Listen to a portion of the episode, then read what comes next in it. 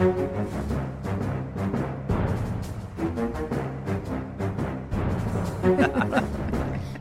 Klar. Ja, men da er det en ny Aftenpodden. Det er torsdag, og ikke noe ekstrautgave, men en helt, helt vanlig en i en veldig spesiell uke. Jeg er Lars Glomnes med politisk redaktør Trine Eilertsen. Hallo. Hei, god torsdag. Ja. Takk, takk.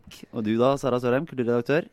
Hei. Har du Vi skal komme tilbake til at du har trukket en tann i dag, og Ja. føler, uh, føler verden går imot deg. Ja. Kommer vi virkelig tilbake til det, eller sier du det bare for at jeg skal, ikke skal få snakket om det? Jeg sier det nå for å være innom det veldig kjapt, og så går vi rett videre. Jeg, jeg måtte trekke en tann i dag uten at jeg var helt forberedt på det mentalt. Rett før sending hos tannlegen, som bare kjekt og greit bare sa sånn at vi bare tar den. Så jeg er lettere uh, traumatisert og har veldig vondt. Men jeg skal prøve å være skal- ja. lerkefugl likevel. Mm. Vi Mm. skal, ja, vi skal kjempe oss gjennom denne, denne, denne lille stunden. Det eneste jeg ber om, er bare litt medfølelse og Slik, sympati. eh, Ja. slik norsk politikk har kjempet seg gjennom denne uken. Uh, vi har jo bare Vi har på en måte så vidt landet etter Sylvi Listhaugs eh, dramatiske avgang. Ja. Og der var det jo en ekstrautgave som, som folk gjerne må gå tilbake og lytte til hvis ikke de har gjort det allerede. Der gikk vi jo inn i mye av det som var løpende og umiddelbart. Mhm. Men eh, vi, skal, vi skal bare se litt på hvordan det har satt seg. Så skal vi litt på denne ACER-runden, og litt innom Bjørnar Moxnes og litt innom eh, diverse. Ja. Men nå eh, har det, hvordan, har det, hvordan brikkene falt på plass egentlig de siste dagene, Trine? Nei, Siden sist eh, vi eh, snakket sammen her, så har det jo det utkrystallisert seg tre debatter. Det ene er jo eh, hva skal skje med Sylvi Listhaug fremover, hvilken komité og stemningen i gruppen på Stortinget og sånn. Andre store debatten er jo debattklimaet blant våre politikere. Eh, Det er jo flere på Stortinget som føler at det gode gamle samholdet mellom stortingspolitikerne, der du krangler i salen, men i busser i gangene, er litt ødelagt. Eh, og så er det jo den uh, tredje debatten er jo hva skjer med KrF og regjeringssamarbeid. Så det er liksom de tre store som vi nå er i gang med å gå inn i. Uh, og så fikk vi jo vite, da, DN var jo god på det, hva som skjedde på selve kvelden. Ja, Dagens Næringsliv vi- har vært veldig gode gjennom hele denne uka. Ja, det skal de ha for. for sist vi var her i studio, altså den dagen Listhaug trakk seg, så uh, var vi jo liksom, Vi spekulerte litt i ja, hva, hva kan ha skjedd de der nattetimene uh, natt til tirsdag, uh, som gjorde at hun kom fram til denne, eller noen kom fram til denne løsningen. Eh, og DN påstår å vite at det var et sånt ekstramøte mellom Listhaug, Siv Jensen og, um, og Erna Solberg etter det litt større møtet eh, hjemme hos Erna Solberg mandag kveld. Og i det møtet mellom de tre skal det ha skjedd ting som eh, gjorde at hun klokken åtte morgenen etter skrev eh, at hun gikk av på Facebook. Ja, og det, det har jo vært et, er jo et pokerspill av dimensjoner som er ganske fascinerende i norsk sammenheng. Altså der, Ja, der alle har holdt kortene ganske tett til brystet, ikke sagt så mye direkte, spilt ganske taktisk. Uh, og det, det jeg også har fått høre fra, fra folk som har litt kjennskap til det, er at det som, ja, som DN skrev altså Sylvi Listhaug fikk en om ikke akkurat en beskjed, så ble det klart eh, tegnet opp hvilke alternativer som faktisk lå der. eh, og gjort veldig klart at Knut Arild Hareide har ikke det, det ligger ikke noen sånn nødutgang, åpenbart. eh, Det blir avstemning i Stortinget, Stortinget, Ja, dette, mm. dette, det er ingenting som tyder på at det her er en bløff, og det kommer til å skje. Og hvis det skjer, så kommer regjeringen til å gå av. Og, Og da vil du få skylda. Ja, altså, jeg vet ikke helt om det ble sagt sånn da vil du få skylda, men det var sånn, Men- men du da trenger jo vil, ikke- trenger ikke å være IQ veldig nært 100 for å se hvordan Hvor det- ja. det ville se ut. Og, og igjen, eh, dersom det skulle overleve, så vil det også være en ny situasjon der handlingsrommet ikke vil være like stort som det det har vært fram til nå. Ja, og i, nok en gang, når, akkurat nå, Dette baserer jeg på den saken i DN, men, men eh, der sto det i hvert fall at Solberg skal ha sagt at øh, nå er leken over. Eh, I betydningen av uh, du kan f.eks. ikke lenger poste hva du vil på Facebook. Eh, og eh, slik jeg liksom, leste den helt avsindige egentlig, talen til Listhaug dagen etter, som jo fortsatt eh, vi kan si, den står seg. Eh, den er fortsatt like oppsiktsvekkende som jeg syns den var da jeg hørte den første gang. Men hvis jeg skal tolke stemningen, eller måten hun var på da, så eh, virket eh, eh, Altså den Jeg tolker det som at den, det scenarioet hvor hun skal være en, stats, en lydig statsråd som skal gjøre det som man egentlig kan kreve i rollen, altså ikke gjøre hva hun vil på sosiale medier f.eks., at det scenarioet må ha vært liksom skrekken. Jeg tipper at hun syns det, det vurderes som for henne eh, verre enn alle andre alternativer. Verre enn at regjeringen trekker seg pga. henne. liksom. Altså, det for henne å gå inn og være lydig i rollen, det, det tror jeg ikke hun hadde lyst til, rett og slett. Ja. Og så kom det jo, eh, har vi jo fått vite etter hvert at det møtet som KrF hadde på mandag, da var alle enige om at, ikke, at de ikke uten videre kom til å velte regjeringen på grunnlag av den saken. Men Knut Arild Hareide sa ikke det til Erna Solberg. Eh, han hadde ikke kontakt med hun gjennom kvelden. Det trodde jo vi kanskje at han hadde hatt, at de diskuterte måter å løse det på. Eh, men det hadde han ikke. Og da ble hun sittende med at ok, det vi vet, det er at KrF ikke har tillit til den statsråden. Det må vi forholde oss til. At de vil ta konsekvensen av. Mm. Og så sier hun, og da har vi disse utgangene her, og da er det jo Ja, jeg skal nå ikke si hva sa jeg, men Jeg skrev en kommentar med tittel 'Bare Sylvi Listhaug kan redde regjeringen' på mandag. Og det var sånn det gikk. Og så var det vel ting som tydet på, som også Fridtjof Jacobsen i VG skrev i en, en kommentar som, som uh, folk som kjenner prosessen, har beskrevet som uh, ganske god. At uh, nå dette spillet fra Høyres side og fra Erna Solbergs side gjennom helgen da også var mynta vel så mye på på Sylvi Listhaug og Frp ja. som på KrF. Ja, og det med kabinettspørsmål ja, som i hvert fall jeg leste som et uh, KrF-pressmiddel. Uh, altså at, at, hun truet KrF med at hvis dere går for mistillit, så, så, stiller jeg kabinettspørsmål, og så ryker regjeringen. Men, men det, det, var jo uh, smart tenkt at det er klart Hun ser det nå i ettertid, at det må jo også ha økt presset på Sylvi Listhaug. Og at det man, kanskje jo, man lurer jo på da, om det er sånn at Sylvi Listhaug når ja, det var, var noen i i, i Høyre som var involvert i dette, som en prat om oss, som sa at bare den der, det blomsterstuntet eh, i seg selv økte jo sjansene for mistillit. Man, ja. Det har jeg jo ikke noe grunnlag for å, for å si, annet enn å spekulere i. at Man lurer på om Sylvi Listhaug skjønte på et eller annet tidspunkt at ok, dette går denne veien. Mm. Altså det, et, nå har det vært så mye bråk, no, så mye støy. Nå må vi faktisk det, Veien ut av dette er liksom ikke at alle bare går tilbake og sier nå skal vi bare skjerpe oss og holde på. At, at måtte sikta litt mot en konflikt som, ja, som det, ble så heftig, eller er det helt uh, irrasjonelt? Nei, altså Dette vet vi jo ikke. Men det, det, det kan godt hende at uh, eh, verken Listhaug eller Teigen helt så rekkevidden også av det blomsterstuntet. Fordi jeg har også skjønt at det opprørte mange langt inn i Høyre.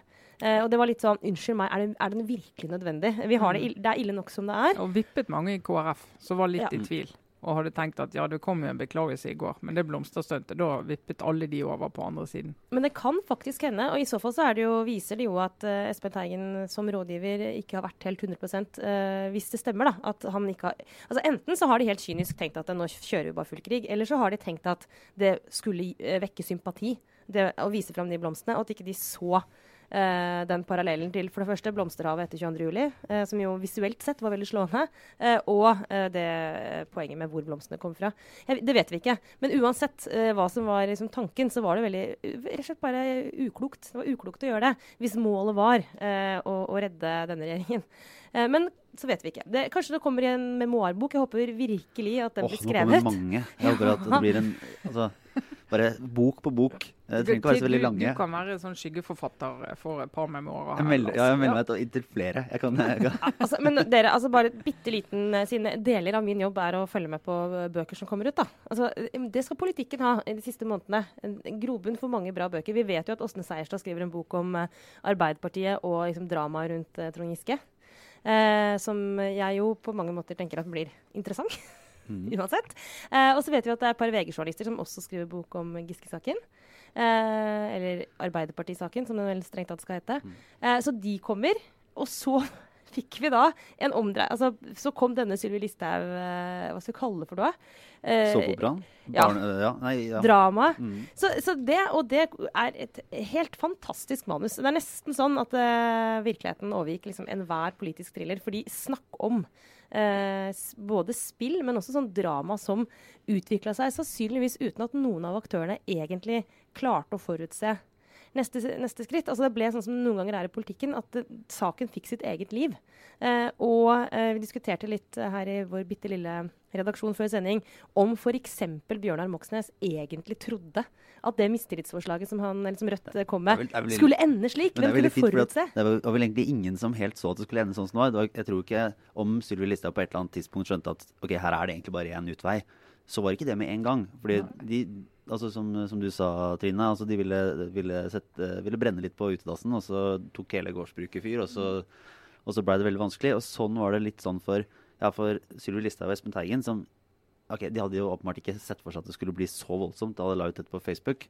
Uh, og det var på en måte ingen av Bjørnar Moxnes hadde nok ikke trodd da han var litt sånn Ja, OK, vi er Rødt. Uh, vi kan dra på. Vi går litt lenger. Vi foreslår et mistillitsforslag. Og vi vet vel fra kilder i flere andre partier at de, det var sånn OK, vi er jo ikke der.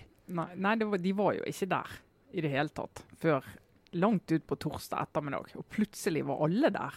ikke sant? Så det, var, det må jo, Bjørnar Moxnes må jo være ganske sånn eh, Ja, jeg slengte inn et mistillitsforslag, sånn, eh, for det bør man jo. Eh, og så eh, bidro jeg til å samle inn hva da, 17 millioner til Leger uten grenser i en ikke-politisk aksjon. Bare nok en, en, en, grei uke på jobben da, for, eh, ja. for eh, Rødts e- Rødt enslige representant. Rødt har hatt en kjempeuke ja. på jobben. Ja, altså Hvis det har vært noen vinnere i denne saken, så har det og, altså, Bjørnar Moxnes må jo ha kommet uh, styrket ut av dette. Kan ikke skjønne noe annet. I hvert fall i sin, sin, sin velgerkrets. Ja. Det var en analyse fra jeg lurer på det var, jeg bare så på Facebook. Det kan være Eirik Bergesen uh, som hadde fra All Makt og diverse synsing. Men som var den at er det egentlig det er nesten bare vinnere? I denne mm. saken. Hvis man er litt, sånn, litt raus, så får man uh, Bjørnar Moxnes vinner fordi han som enslig Rødt-representant får satt i gang dette her. Uh, Arbeiderpartiet får liksom Ja, OK, vi får tatt uh, ja. vist litt uh, handlekraft. Og de har, de har, fått medlemsvekst. Ja, KrF får, får måtte, ja, satt ned foten, jo, bli kvitt Sylvi Listhaug. og så Ja, Trine Skei Grande ble kvitt uh, Sylvi Listhaug i regjering uten å gjøre noen ting. De satt så stille i båten at det var helt Ja, det var helt påfallende. Det var ja. eneste partiet som sa ingenting. Nei. Og så var det jo Frp har jo vunnet. Rett og slett fordi de går opp på målingene og har medlemsvekst og mm. har liksom ja. fått uh, og ut ifra, masse sympati. Ut fra sånn det så ut på et tidspunkt, så har de jo også fortsatt regjeringsmakt. Ja. Um, Men Erna Solberg har ikke vunnet. Altså, er. Eh, hun er eh, svekket av dette. Noe annet vil, kan jeg ikke forstå. Det, det, er hun. det, er jo, Og Høyre er vel det partiet som, i hvert fall på de få målingene som har vært nå, de har jo Høyre topp på. Mens eh, alle de andre sinte, de vinner på det. Mm. Og så er, spørsmålet Sylvi Listhaug, selvfølgelig. Først, altså, det mest åpenbare er at hun har tapt, så klart. Hun måtte gå. Men, um, så er jo spørsmålet, og det, jo, det var vi litt innom forrige sending òg, hva gjør hun nå? Hvilken um, posisjon inntar hun i norsk offentlighet, eh, og ikke minst i Fremskrittspartiet. Det, altså, det er jeg sånn genuint spent på. Men hvis jeg skal gjette, som jo er en ikke så viktig kanskje del av den jobben, men vel en av de morsomste. Helt grunnleggende, ja. jo, men eh, så, så er jo dette en eh, hun, ja, jeg tror hun kommer til å holde sitt løfte om å ikke gå stille i dørene. Så. Det var jo noen som nå sitter og For det var jo snakk om at hun skulle bli parlamentarisk leder. Eh, for eh, Fremskrittspartiet, men i en VG-sak i hvert fall, så var det flere i stortingsgruppa som sa at det kan hun ikke regne med. For hun ble omtalt som en for solospiller og på en måte for, uh, for, altså, altså, for mye i ytterkanten, da. Ja, og så er jo han uh, Limi, Odd Christian Limi, han er jo en uh, flink fyr. En, han som er parlamentarisk leder nå? Ja. Mm. God parlamentarisk leder for Frp, som klarer å balansere det der med å være Frp-er med å være en sånn han er god spiller da, i det der eh, landskapet hvor du, skal, hvor du skal tråkke de andre partiene sånn passe mye på tærne, men du skal ikke knuse inn i magen på dem hver gang du åpner døren. liksom. Men det var jo da også noen som var både lekte med tanken om at, eh, at Helge André Njåstad, som nå er, altså sitter i finanskomiteen, mm. kunne gå inn som fiskeriminister. og Per Sandberg kan gå inn som permanent justisminister og da Sylvi Listhaug kan gå inn som finanspolitisk talskvinne. Mm. Uh, og Det vil jo være en plattform der hun kan uttale seg om veldig mye. Uh, det vil også være en plattform der hun uh, vil være ansvarlig for å forhandle statsbudsjett fra Stortinget. Og ja, det... Nei, det tror jeg ikke. Der tror jeg Limi er en bedre, bedre person for Frp. Sånn, hvis du tenker at det politiske håndverket skal gjøres, da, og det er ikke hennes sterke side. Da går de rett fra, sånn, eh, fra komitébehandling og forhandlinger opp til parlamentarisk ledernivå og eh, rett opp til partiledernivå. Da ja. bare, ok, Vi hopper over et par skritt her. Det, Men det, er jo, det ble også sagt av, eh, av Frp-kilder på Stortinget til VG, at, eh, eller ble påpekt, og det er jo et uh, faktum, at hun ikke har stortingserfaring uh, i det mm. hele tatt. Hun kommer nå på Stortinget for første gang. Hun har vært inne som vara, da. Ja, ja, det er sant. Men er ikke, altså, det er nå først at hun skal altså, Det er hennes permanente tilstand. Ja. Eh, og, og det hadde jo vært veldig underlig å gå inn i en eh, egentlig, inni en lederrolle, f.eks. parlamentarisk leder. Altså, hun skal, egentlig så det naturlig nå at hun blir et vanlig medlem av en komité og skal gå og lære seg det utrolig liksom, håndverksmessige ved den jobben. Spørsmålet er om hun kommer til å ja, Det er jeg også spent på om hun kommer til å gå inn i det og faktisk sånn prøve å bli en god stortingspolitiker sånn fra bunnen av, eller om hun bare kommer til å være det i mediene. Hvis du skjønner forskjellen på det, sant? Altså, at, uh, ja, jeg, kanskje hun kommer til å vi seg og bli- tenke at uh, nå skal hun lære seg faget. Mm. Ja. Men er det, jeg bare lurer på, er det sånn at øh, Jeg tror vel kanskje man kan si at norske medier ikke, og sånn hovedstadsmediene og eliten Jeg tror ikke vi skal påberope oss å være de som nødvendigvis forstår mekanismene rundt Sylvi Listhaug best. eh, og, og går inn i det. Altså klarer de som å vurdere om hun er styrket eller svekket. Altså, det virker litt sånn overfladisk noen ganger. De, eh, og sjablongmessige, de vurderingene som går på om dette ja, ok, Som om hele Bygde-Norge sitter ute og uh, roper på Sylvi Listhaug. Mm. Og, og at hun på en måte kommer til å være kjempesterk fordi hun kan klage mer i Stortinget. Det er jo, det er jo en sannhet med modifikasjoner, for hun er jo hun, er måte, hun står ikke midt i sitt eget parti engang. Og selv om det nå skulle ligge på målingene på opp mot 20% som ville være overraskende høyt over tid, for der har det ikke vært på flere år, så, så er det jo ikke noe sånn Den kan, den kan virke litt sånn litt enkel, den analysen om at der ute blant folket, blant det du Sara Sørheim kaller 'somewheres' uh, i ukens andre store debatt, Uh, ja, opplever dette på en helt annen måte. og at Jo, men det der er jo kjempevanskelig, sant? For at det, eh, på den ene siden, ja, jeg tror For å snakke for meg selv, det bare er å innrømme med en gang at det er deler ved Altså en sånn politikertype som, eh, som Listhaug, da. Det er deler ved hennes appell som jeg faktisk ikke forstår. Det, fordi hun snakker ikke til meg. Ja, hun, spiller, altså hun spiller på motstanden mot deg, mer Ja, ja. eller mindre personlig. Ja, ja, og da, men da kan man tenke sånn, så hvordan skal man forholde seg til det? Altså, man en måte, enten kan man bare tenke sånn, vet du hva, jeg forstår ikke det, og så bare vende ryggen til det, eller det som man, man jo bør gjøre da, og så prøve på en måte å gå inn i sånn, ja, men hva er det ved dette som, altså hvorfor treffer hun så godt? Eh, og så sånn på, på ekte prøve å finne ut av hvorfor, ikke bare sånn foraktfullt tenke at det, det er fordi de andre er dumme, liksom, for å sette det veldig på spissen. Men det er jo veldig vanskelig, for jeg forstår det jo ikke egentlig. Nei, altså, jeg syns det er en god eh, illustrasjon. For det at, altså, jeg tror alle mennesker er jo skrudd sånn. Det er jo Kahnemann sin, eh, sin tese, holdt jeg på å si. At alle er vi jo skrudd sånn at vi leter etter ting som bekrefter det vi, det vi mener fra før. Og så kan liksom ja, viser vise oss at den veien vi har valgt, den er riktig. Eh, og for ganske mange i Norge, og det, er slett ikke alle som er i Frp, så mener jo de at uh, Frp blir tatt spesielt hardt når de kommer med en sleivformulering, når de kommer med bryter en eller annen grense, så blir de tatt spesielt hardt. Og Eksempelet som jeg uh, hører nå og får uh, når jeg snakker om folk og leser e-post, det er eh, når Jonas Gahr Støre står og snakker til landsstyret sitt forrige lørdag og sier at Sylvi Listhaug bevisst og kalkulert rører i det samme hatet som Breivik eh, bygget sin, eh, sin eh, aksjon på. Så sier en del folk hvordan, hvordan kan han vite det, at det er bevisst? Altså Hvordan kan han vite at hun satt kalkulert og bevisst og tenkte at det hatet der mot Arbeiderpartiet, og liksom hadde en sånn klar tanke om det. Det kan jo like godt være, og jeg heller mot å tro det, at hun ikke er så bevisst det. Altså, så kan du si at ja, men likevel så Ja, spiller du i også- praksis på det. Men å påstå at hun er det, så går du inn i hodet hennes, og så prøver du å tolke handlingen hennes har gjort ut fra sånn som det ser ut for deg. Og Det er en veldig farlig måte å lese andre på. Det er en veldig farlig måte å gå inn i politisk debatt på. Og det er ikke noe forskjell på å gå inn eh, Altså, hun, Han går da inn og slår fast at han vet hva hennes intensjon var. Uten å vite det. Og da i hvert fall reaksjonen jeg får, er hvorfor det er ingen som tar tak i det. Hvorfor går de heller inn i narrativet til de store mediene, til kommentatorene, som et premiss i debatten? Eh, og det, syns, det er en interessant reaksjon, syns jeg. For det er jo ikke tvil om det at uh, det er jo ingen som har stilt spørsmål ved den koblingen, når eh, Støre løfter den på talerstolen. Mm. jeg tror inne på noe, Dette tror jeg er sånn, et sentralt problem for store deler av venstresiden sin kommunikasjon. Det er den derre å måte lese intensjoner inn i andres handlinger. Og det liksom å forstå andre bedre enn de forstår seg selv. Eh, og dette er litt sjablongmessig. Det er selvfølgelig ikke sånn at alle på venstresiden er sånn, men, men, det er et eller annet der. Det er et eller annet med at du forstår jo på en måte Du tar ansvar for alle i samfunnet.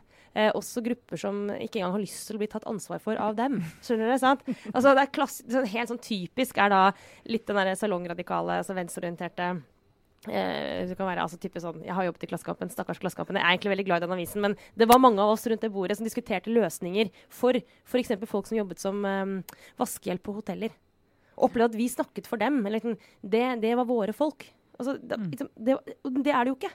Sant? Ingen av de som hadde lyst altså de stemmer, altså, Nå er jeg. Nå fortsetter jeg akkurat sånn. De og oss. Ja, dere skjønner hvor jeg vil. Altså Problemet er når du, når du liksom tar på deg å ta ansvar for andre, og, og hva de tenker og, og, hva de gjør, og hva de trenger, så er det noe nedlatende ved det. Selv om det ikke er intensjonen.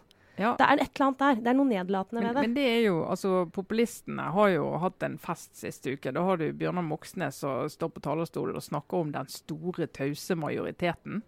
De to prosentene? Ja, ja vel. Ja. Og så har du Listhaug som står og sier at hun har fått enormt med støtte fra Du får inntrykk av at det er nesten halve folket. Mm -hmm. Så det er litt sånn Disse som ikke klarer å snakke sjøl, men som vi kan snakke på vegne av, ja. de møtes nå i en stort krasj.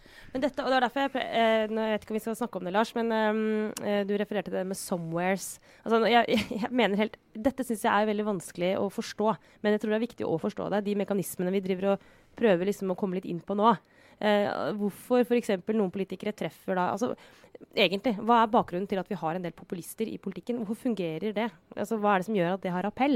Og da var det grep her i løpet av uken grep til eh, denne teorien om såkalte somewheres og anywheres. Altså konflikten i samfunnet mellom de som er en elite, som ikke egentlig relaterer seg til uh, som, altså, som, som, er den de er på bakgrunn av det vi har oppnådd. Nå sier jeg vi helt bevisst, fordi jeg tror jeg må bare innse at det er en sånn type som typisk sånn som jeg er. Jeg som mm. jobber i en avis. og ikke, Samme for meg hvor jeg kommer fra. Som en tidligere kollega av meg pleide å si, jeg kommer ikke fra Odda, jeg kom fra Odda. Ikke sant? Og så har du de som faktisk kommer fra Odda fortsatt, og som bor der, eh, og som aldri kommer til å flytte. Eh, og som har en helt annen måte å se verden rundt seg på, som er liksom de uh, som man da kan kalle litt nedlatende kanskje for noen, for somewheres. De ja. stedbundne. Min lille kritikk av den er at det er, sånn, det er, så utrolig lett for at elitene skal sånn, finne på et navn for seg selv, egentlig. Og så blir det automatisk at ja, jeg er jo en anywhere selv, da. Ja. Um, men damn if you do, men, uh, men disse somewheres så blir det, det er hele den der dynamikken om at du tenker at ja, det finnes noen ekte, men litt enklere mennesker der ute ja. som vi Anywheres også må ta ansvar for. Og det blir, det blir litt ja, nedlatende igjen. Og, og, de er litt mer sånn emosjonelle og styrt ja. av litt sånn irrasjonelle ting enn vi Anywheres som har reist verden rundt og ikke bryr oss om hvor vi kommer fra og kan tre språk. Ja, jo, men, Vi må okay. ta det på alvor at det finnes en litt enklere gjeng der ute. Og det er sånn derre Åh, Lars, tror du ikke det her det er akkurat det som gjør at de som sitter ute i landet, blir så forbanna? Jo, men hva, hva, skal man gjøre? Altså, Man må jo gripe til et eller annet teoretisk rammeverk for å fuckings forstå verden. Ja, ja, må man det? For altså, jeg tenker, Norge er veldig dårlig den teorien der han som var det han, David Goodhart. Goodhart, Goodhart ja, han, som er, ja, Navnet er provoserende. David Goodhart, britisk forfatter og journalist og kommentator, som har skrevet om dette. Ja, men Det navnet må han jo tilhøre venstresiden. men han er vel anklaget for å tilhøre egentlig Han blir nesten sånn tilhører høyresiden. Kan jeg bare så... be dere om ikke være så fordomsfulle? Dere har bare dere har ikke lest boken engang. Dere bare basert på navnet hans mener at han er Ja, det syns jeg er rikelig. Ja. Nei, men poenget, poenget, mitt er at altså, eh, Norge, hvis du, ja, hvis du reiser til Odda, da, eller reiser til en del andre, så er jo litt av, litt av greien der at der sitter det jo folk med lang utdanning, seks år på universitetet. De studerte i Bergen, så dro de tilbake til Odda. Familie etablerte seg. De leser flere bøker enn de fleste. Altså, de har liksom de har vært i utlandet. De var i India på et eller annet backpack, eh, akkurat som mange i Oslo har vært. Altså, de liksom, men de bor et annet sted. Ja, men da kan det fint være en anywhere, og, vet du. Ja, og så kan de, kan de oppleve at liksom der, Ja, jeg er stedbunden. Kanskje har de, kanskje har de odel på en gård. Kanskje har de eh, lyst til at ungene skal vokse opp i samme miljø som de vokste opp i. Uh, og det som jeg synes er litt vittig, det er hvis du, sånn som Her i redaksjonen så tror jeg nesten alle hvis du hadde spurt dem, så hadde de sagt nei, egentlig sånn anywhere. Og da tror jeg mange av de tenker at det er fordi jeg bor i Oslo. Så er jeg det. Og så ser du på mange av dem, de, de, eneste utlandet de har vært på, er på ferie. De har aldri bodd i utlandet. De kan egentlig ingen fremmedspråk, unntatt litt sånn halvdårlig engelsk. De leser ikke bøker, de ser på TV-serier. og, de, og, de, er litt sånn Ja, det, det, det, er liksom ikke noe mer sånn spesielt sånn jo, men Du er ikke, mer, Ja. du er ikke, ja, du er ikke på en måte en, det er ikke en verdensborger ja, bare fordi fordi du er- bor i Oslo. Ja, for det er en viss rangering i det. da. Det er det som er problemet med det. Ja. sant? At det blir en viss rangering. Det blir ikke sånn at somewheres og anywheres er liksom likestilt. Det ligger litt under at anywheres har skjønt litt mer. Jo, men dere må også huske at sant? eh, to, to ting. Det ene er at det er jo basert på sånn, altså, ge geografi, dette her. Men det er jo ikke egentlig Du kan fint være en anywhere og bo på landet. Altså, det er ikke sånn at det er en by-land-oppdeling. Eh, men eh, et, et bedre eksempel er eh, For det handler også om økonomi og utdannelse. Og liksom, muligheter til å bedrive sosial mobilitet. EU, bare ta ett eksempel. da. EU, Klassisk sånn hvor du kan skille på disse to gruppene. For uh, Anywheres altså, Må vi finne et bra norsk ord for det, hvis denne teorien overlever denne sendingen. Men, men eh, er jo EU, EU for eh, en ressurssterk person med høy utdannelse som snakker mange språk, eh, og som har en type utdannelse som kvalifiserer for jobber f.eks. I, i organisasjoner eh, i verden over. da. Et eller annet sånn. EU, fantastisk mulighet. Det er bare mindre byråkrati for å ta med liksom, meg og mitt talent ut i Europa. Topp. For en person som ikke har den typen utdannelse, kanskje ikke har noe særlig utdannelse, eh, og som har en jobb som blir direkte konkurranseutsatt av akkurat det samme åpne arbeidsmarkedet som EU representerer, så er jo EU en direkte trussel. Og vips, der har du det helt sånn konkret. Da er det for da en somewhere, så er klassisk EU uh, Det liker de ikke. Eh, en anywhere elsker EU. Ja. Og så videre og så videre. Og det, men, jeg mener, det er samme med den teorien. Det fins mange andre som ligner. Poenget er at jeg syns det hjelper faktisk um, å ha noe sånn å gripe fatt ved når man skal forstå hvorfor veldig mye av de politiske eh, kampene vi ser nå, handler mye mer om verdier og identitet enn eh, f.eks. den klassiske høyre-venstre-aksen, hvor du kunne plassere ting før. Så det er et veldig forvirrende landskap, rett og slett. Mm. Og eh, de populistiske kreftene de er på ekte.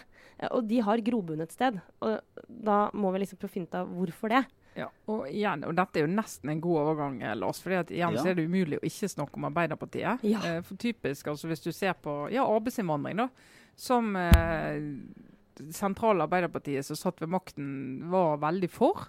Og som eh, veldig mange av oss er veldig for. Og En av grunnene til det, det er at da slipper du få veldig press på lønningene i Norge. Eh, og liksom konkurransekraften vår eh, forblir god, og vi har og flere får liksom utført tjenester og bygd bad og bygd hus og sånn til rimeligere penger. Og Og, det, bygd liksom, et bad til og enda og det stopper ikke opp for vi mangler arbeidskraft. Men det er klart, det å, å si at det ikke blir press, det at det er press på lønninger, betyr jo at noen får veldig godt betalt. Sant? Mye bedre betalt enn de fikk før. Så da, må de, da får de uh, høyere lønn, og så skal noen si ja, men vi vil ikke ha at du skal få høyere lønn, for det blir så strevsomt for konkurransekraften vår. Og da kommer vi inn i f.eks. hvis man ser på denne ACER-debatten, Ja, som, er, nettopp, som var egentlig var neste nettopp, lille, lille tema. var For der Dette var eh, veldig proft, skal jeg bare si. Ja, Ja. Eh, Arbeiderpartiet har jo gått inn for denne uh, Energiunion hva- Ja, Energiunion ikke 3. Og Ja, Eh, Energipakke 3. Energipakke 3, som vi gikk eh, mer i detalj på for to, altså forrige ukes torsdagsepisode. For en uke siden så oppsummerte Trine eh, ACER-saken i kanskje sånn, i, i løpet av to minutter. Eh, den anbefales, fordi det kan jo være flere enn f.eks. meg, som ikke hadde det helt, sånn, helt framme i pannebrasken. Ja. Eh, så det går an å høre på. Og så selv om, eh, selv om eh, globalisten Eilertsen har fått litt pepper da, for å ikke ta inn uh, Ja. alle perspektiver i den. Og kan du si, Det er jo en så fascinerende polarisert uh, debatt da, som fanger opp veldig mange av de tingene. Uh, Ja. Og Et godt, men ubekreftet rykte fra statsministerens kontor er at eh, det kom en del korrespondanse inn til SMK på tirsdag og på onsdag, egentlig, i etterkant av Sylvi Listhaugs eh, avgang. Og da jeg vet det har kommet en del til Arbeiderpartiet også, som mener at hele denne regjeringskrisen det var bare en dekkoperasjon for å eh, få oppmerksomheten bort fra at Arbeiderpartiet faktisk og, og energikomiteen på Stortinget går inn for å si ja til, eh, Ja. til laser. Det er helt herlig. Det, det syns jeg er en flott, en solid konspirasjon. Ja. En av de bedre, Ja. som jeg syns vi ikke skal avvise. Men da må jeg bare si, da. Jeg skal ikke dra altså, eh, Jo, det skal jeg faktisk. Jeg bare, dette med denne uh, Somewheres og Anywheres, eller en eller annen type oppdeling som, som prøver å skille velgergrupper på en litt annen måte enn høyre-venstre. Det, alt det der treffer rett inn i Arbeiderpartiets liksom, enorme problem. At de Ja. favner de to gruppene i, i partiet. Og veldig mange store konflikter i norsk politikk nå går nettopp derfor tvers gjennom Arbeiderpartiet. Ja. Eh, F.eks. da ACER, eller ACER. Ja, vi sier ja, vi. Så Derfor så er den interessant også for de som ikke kanskje har på rams nødvendigvis alle detaljene ved selve saken konkret. Så er den Ja, også interessant sånn symbolsk som en sak som nettopp liksom gjør at Arbeiderpartiet og Jonas Gahr Støre eh, sliter. Ja, og Nå er Arbeiderpartiet tilbake til EU, frontene i EU-striden, eh, som var vonde. Og så de, har de LO, som de har eh, valset litt over. LO sitt innspill. Og så masse ordførere og folk ute i industribygdene. Eh, og dette skal de ta med seg. Alle i, som hører på dette, har helt sikkert merket seg at Trond Giske har eh, flagget tydelig at han stemte mot at stortingsgruppen i dag med et veldig knapt flertall skal stemme for. Mm. Og det at Arbeiderpartiet er så delt i en sånn sak, som er sånn går midt inn i en allerede levende kløft i Arbeiderpartiet som har ligget litt død. For EU har liksom ikke vært så veldig hot de siste 20 årene. Ja det er jo det er interessant med tanke på hva som skjer når, eh, når, hør da, når Arbeiderpartiet gjør et dårlig valg om halvannet år, og de får en diskusjon og frem mot det veien videre. da. Altså, den, Arbeiderpartiet er ikke ferdig med den saken. Men du kunne, altså han kunne ikke det, sant, Trond Giske, hvis han hadde sittet fortsatt som nestleder? Han kunne ikke ha stemt mot. Åssen er det der funker? Hvor, hvor, heftig er den pisken da? Altså Kunne han gått ut på den måten han gjorde nå, hvis han fortsatt Jeg var nestleder? Jeg tror han blir spurt om hva han mener, for alle regner med. For han jo, var jo gammel nei EU-mann. Uh, alle regner med at han er på den siden. Så men ville han, han sagt det? Sport, og så han svarer ja. Ja, men jeg mener jeg før. Altså, han, jeg lurer, det jeg ja, det vil jeg tro. Ja, ok, så det, ikke så, det jeg lurer på, er selvfølgelig om han har blitt en løs kanon nå. At han sier det han tenker. Ja, jeg, vet, vet, jeg, vet, ikke. Vi må undersøke. Vi må mm. høre med dem. Arbeiderpartiet pleier å være monolittisk på en del saker, men akkurat på den EU-saken så har de jo pleid å ha rom for. Og dette er jo en del av den saken. For det er mulig jeg nå leser litt for mange. mye inn i det. Ja, nettopp. Jeg vil bare se for meg, Hvis, hvis Sylvi Listhaug og la oss si at Trond Giske begge går inn i en sånn rough hva skal jeg si for noe sånn, At de blir hver sin sånn helt fristilte, helt løse nå, kanon. Så nå er vi ikke en del av ledelsen lenger. Nå skal vi ja. si akkurat hva vi mener. Nå skal vi, skal nå skal vi kalle en spade for en spade. Ingen som skal gå stille i dørene. Ja, det er en, nei. vi får se. Nei, men det er noe uh, Det var det vi eh, har litt obligatoriske refleksjoner inn i det som nå blir en helg. En ja. antageligvis roligere uh, helg enn det som uh, Ja, Det blir jo ikke bare helg, det blir jo en ferie. Vi trodde jo at uh, vi skulle bruke påsken på regjeringskrise, kanskje. I verste fall. Det skal vi heldigvis ikke. Takk for det. Og nå må kjære lyttere skjønne at dette var ikke en vurdering fra Eilertsen sin side på hvorvidt det er bra eller dårlig for landet at de ble altså, Det er ikke den vurderingen. Det er bra eller dårlig for ferien. Det er en personlig, privat vurdering. Jeg hadde ja. også blitt så sur hvis jeg skulle brukt påsken på det. Må jeg innrømme. For du satt hele julen og skrev uh, om Giske. Ja. Men uh, så liksom Og påske er kanskje min favorittferie. For da er det bare én ting som gjelder, og det er upp, upp, upp på fjellet. Ja. Men obligatorisk refleksjon. Jeg vil gjerne få lov å reflektere litt over denne her veldig rare saken i vårt land. Ja. Der uh, For en uke siden i dag så gikk uh, sjefredaktør Åshild Mathisen inn i et allmøte i redaksjonen og sa det at styrelederen ikke hadde tillit til henne. I enhver normal situasjon så ville jo neste setning vært 'og dermed går jeg av'. Ja. Den setningen kom aldri, og siden så har det kommet frem at det er en del konflikter i Mento Media, som er eierkonsernet til Vårt Land, og flere andre aviser. Eh, og det, altså, Konflikter er det jo i konsern. Vi som er i konsern, vi det er alltid en konflikt. Uh, og det er når flere aviser skal samarbeide, og særlig om sånne digitale løft. og sånn. Det er jo grunnen til at f.eks. Schibsted Norge eksisterer.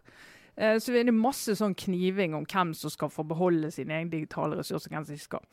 Så det er mye sånn diskusjon. Men det som skjedde med en gang da, som jeg bare klarer ikke å undres over, og jeg er rett og slett litt irritert over, det var det at Hadia Tajik og Knut Arild Hareide, nestlederen i Arbeiderpartiet og partilederen i KrF, de var ute med en gang og sa at uh, Mathisen hadde gjort så mye bra med vårt land at uh, Underforstått, hun kan ikke gå av. Så tenkte jeg, hva i all verden har de med det å gjøre? Uten at de mm. vet om det er en diskusjon om redaksjonell retning. Og selv om det var det, så skal altså politikere på Stortinget gå inn og si eh, ja, den sjefredaktøren gjør en jobb som vi liker. Men hvis det da kommer en ny sjefredaktør, skal de da gå ut og si at vi liker ikke linjen til den redaktøren, som den legger avisen på. Helt merkelig. Ja, og siden det. har det ene etter det andre rare skjedd. fordi åpenbart at det er mye konflikter i det huset. og Så dukker det opp sånn medarbeiderundersøkelse om at det er fryktkultur og alt det. Det gjør de alle eh, arbeidsplasser som driver med endring. Kommer det sånne medarbeiderundersøkelser, så det må du ta med en container salt. Og så kommer det inn sånn Plutselig kommer Anita Krohn Traaseth seilende og liksom Ja, vil gjerne uttrykke min støtte til min eh, lederkollega i Vårt Land og Så kommer Valgerd Svarstad Haugland og sier slår fast at dette handler om en kvinnelig leder som prøver å gjøre endringer og nye ting, som blir motarbeidet av en mannlig styreleder. Og Det, sier, det kan godt hende det er sånn. Men vi har ikke fått vite nok til at vi kan vite at det er sånn. Og så skal disse folkene, fylkesmannen i Akershus, skal inn og mene om det.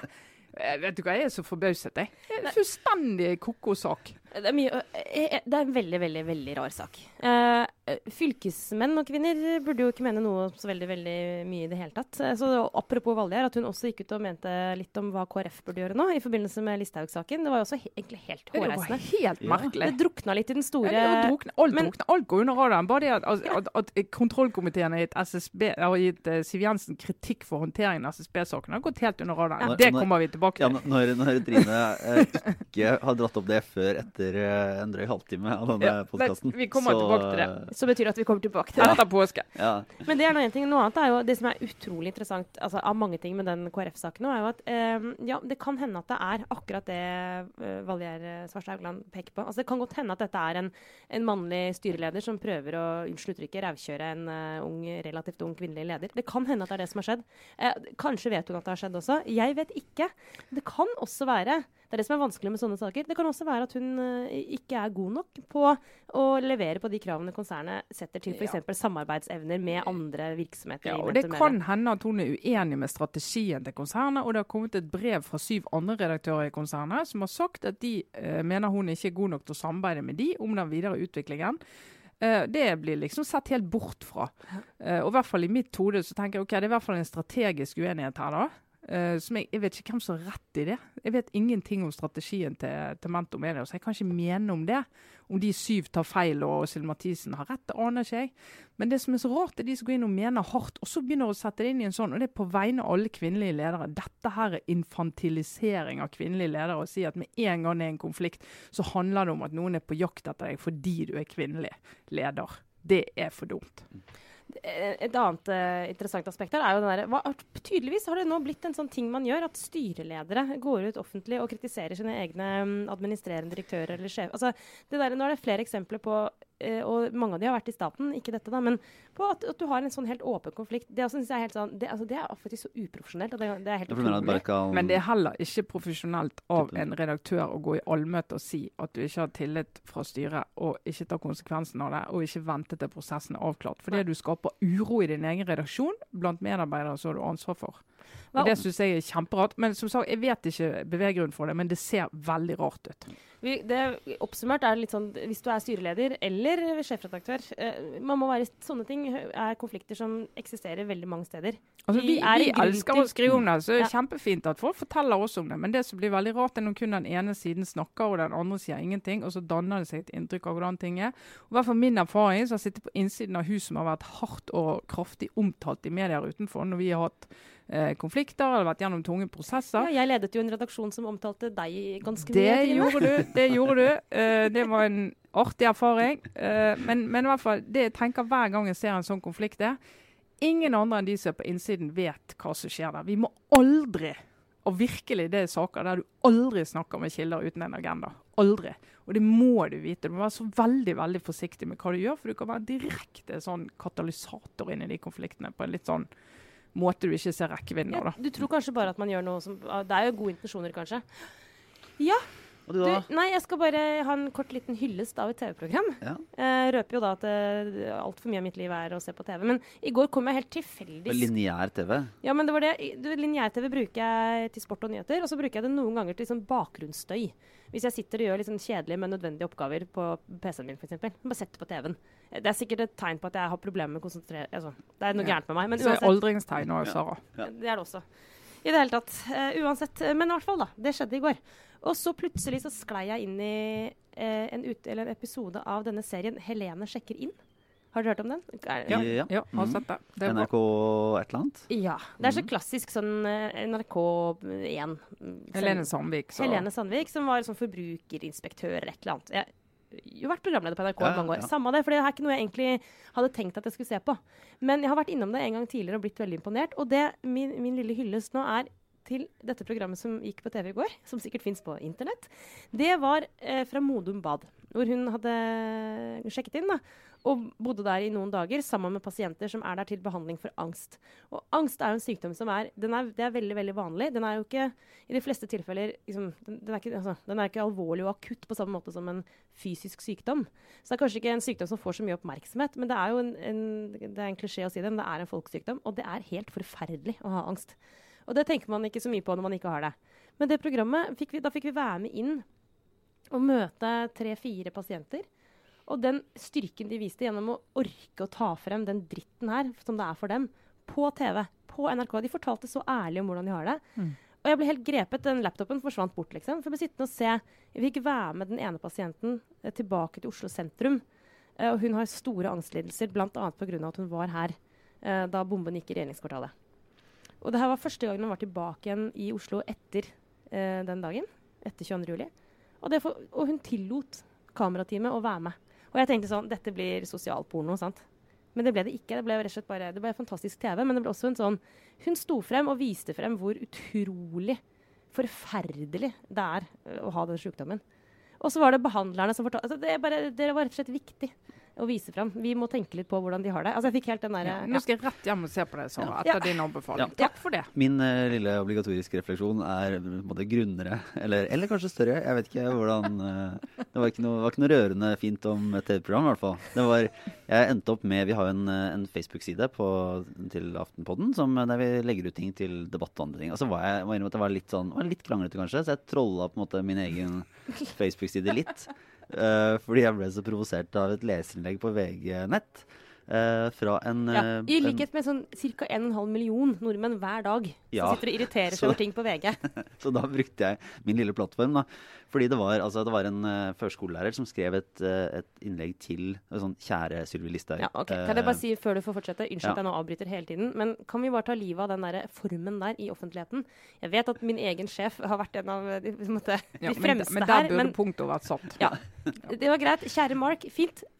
Nå er vi ferdig med det. Ingen får lov Det har jeg lyst til å si, det, men det kan jeg jo ikke si, kanskje. Men jeg sier det likevel. Ikke, jeg syns ikke folk burde skrive det mer. Nei, Det burde, i hvert fall uh, i dette innlegget her, da, som var uh, Ei som var veldig sint på Sylvi Listhaug og mente at hun tråkket på barna din Altså tråkket på barna våre, tråkket på barnebarna våre og tråkket på ansatte i barnehage. Og jeg bare Åh, det er av alle ting, da. Altså, Sylvi Listhaug er en provoserende politiker. Og hun sa mange ting i den talen på tirsdag morgen som, som det kan være grunn til å diskutere. Men vær så snill, da, Krenkorama. Ikke bli så jævlig provosert av eh, altså, at norsk politikk er en barnehage. At, altså, det er et latterlig bilde. fordi at alle som har fulgt norsk politikk, vil si at Sylvi Listhaug er godt plassert i den barnehagen selv, forut for, eh, for den avgangen. Så at hun skulle liksom Ja, nå har det blitt en barnehage, og jeg må være voksen. Det, det, Ja, ok, det står ikke helt til troende. Det var litt gøy den tullesaken som noen la ut som var sånn intervju med en i en barnehage, Oskar fem år. Som sa eh, nei, her i barnehagen det stemmer ikke at altså, det er dårlig gjort å si mot barnehage, for vi kaller faktisk en spade for en spade Ja. i denne barnehagen. og så kom jeg, men det, det, det jeg kom, eh, som gjorde at det ble ekstra fyr på, da, var at jeg jo anklaget da, dette for å være en del av eh, venstresidens problem. At det er for mange på venstresida, vi var jo litt innom det tidligere i, i, her, at, at det måtte ta, tar ansvar for å snakke på vegne av alle små i samfunnet. Altså Det er jo en ting å ta kampen for, ja, de viktige kampene for den lille mann, altså, som både medier og andre skal gjøre og ta ansvar. Men den derre Ok, la noen ting gå. Skill mellom stort og smått. Ja, ja. Og det er et, det er et imageproblem for venstresida i Norge at man er sånn som roper på, på at, det blir, at det blir tråkket på barn fordi Sylvi Listhaug sammenligner norsk politikk med Ja. Men da skal jeg si på det, vegne av Det, det gjorde ikke Sylvi Listhaug. Hun tråkket ikke på barn. Jeg har Nei. barn i barnehage. Jeg følte meg ikke krenket ett sekund. Med vår, en av våre altså friend of the pod, eh, journalist i Klassekampen, Jens Kiel. uh, skal jeg si, før han skriver det til oss, at, uh, og han skrev det allerede da du posta den, at hva vet du om det var en venstresideperson som skrev det innlegget? Det vet du ingenting om. Det er fordomsfullt av deg å kalle det for sånn venstreside. Det kan Ja, være ja. en sur høyreside. ja, ja, ja. Ja, Kan det være. ja det, den, kan, den må du ta til deg, syns det må jeg. jeg ta til meg. og Det var Ja. kanskje litt unyansert, men det går rett inn i venstresidas problem, da, i hvert fall. Imageproblem. Eh, og det var veldig illustrerende sånn sett. Og så er det veldig få på høyresiden som skriver den type leserinnlegg mot Ja. Sylvi Listhaug. Så Jeg- livet jeg- har lært deg at det sannsynligvis var en SV-velger, Ja, liksom. jeg, til, jeg, jeg, altså, jeg tillot meg å generalisere. Og, men jeg i hvert fall Nei, slutt sånn eh, Nei, tråkket ikke på barn. Altså, hvis vi skal ha en litt bedre debatt enn vi har hatt de siste ukene, så kan vi bare starte med, og det kan Hans Petter Sjøli i VGs debattavdeling også starte med, altså, bare holde litt igjen, da, hvis du skal sitte ellers og be folk være mer anstendige og ansvarlige. Mm. Altså, drit i sånn barnetråkkeinnlegg. Men uh, og da, da oh, var godt å få det sagt. Ja. Ja. er flaks for oss at vi har en egen podkast vi kan tømme oss i. Uh, takk for tålmodigheten til dere som har holdt ut så lenge som til nå. Ja. Nei, men da har vi Det kan vi, vi har ikke tenkt på det at det var påske, så det er mulig at det er ferie neste uke. Ja. Det er mulig, det. Um, det får vi se litt på. Men Ja. uh, vi har jo dobla opp denne uka her i hvert fall, så vi takker for den oppmerksomheten. Jeg ønsker god påske. Så ja, vi får se. Det er mulig vi dukker opp. Uh, det er mulig vi ikke gjør det neste uke. Ja, Men eh, takk Vi for nå. varsler på Facebook. Det gjør vi. Det gjør vi. Supert. Det var Trine Eilertsen, Sara Sørheim, jeg er Lars Glomnes. Ha det bra.